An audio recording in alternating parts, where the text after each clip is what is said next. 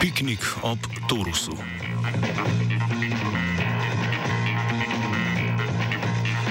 V znanstveni redakciji na Radio Student nadaljujemo s spremljanjem perečih tem v sodobni fiziki kondenzirane snovi.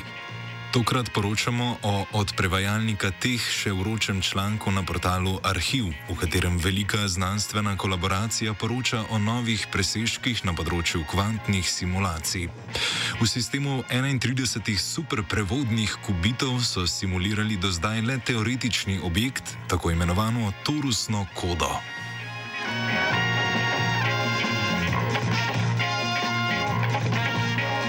Novo poročilo sledi leto in pol staremu oznanilu o kvantni premoči, ki jo je Google prvič demonstriral na svojem kvantnem čipu Sycamore. Takrat so v kvantnem vezju realizirali za kvantni računalnik najbolj primeren problem: naključna unitarna vrata. Tokrat pa so simulirali model Kitajeva in njegovo osnovno stanje oziroma torično kodo. To stanje poseduje posebno vrsto urejenosti, ki ji rečemo topološka urejenost.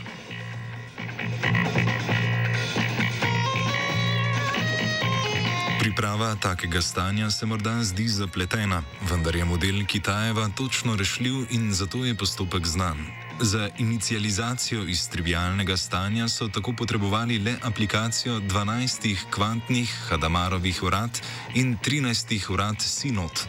V sistemu so na to izmerili Renjijevo entropijo različno velikih podsistemov.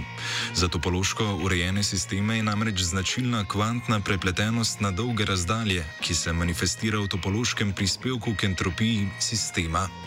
Prav to pa so izmerili prek Renjijeve entropije podsistemov. Tako so potrdili pravilnost postopka priprave torične kode.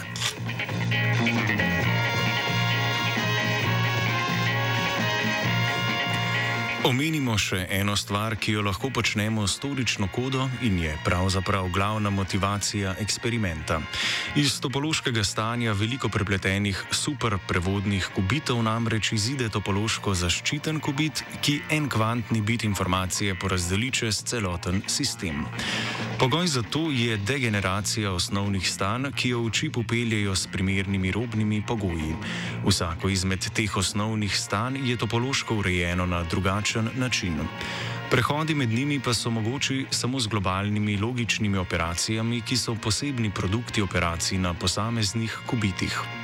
Globalne spremembe se ne morejo zgoditi po nesreči kot posledica lokalnega termičnega šuma, zato je stanje zaščiteno.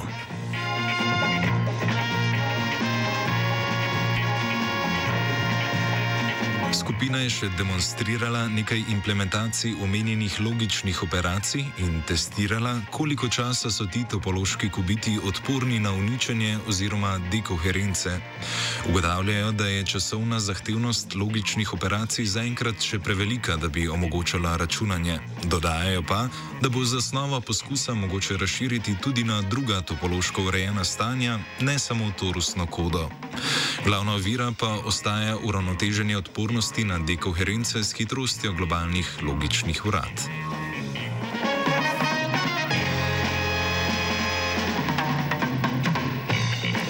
Na Torusu je kodiral Martin.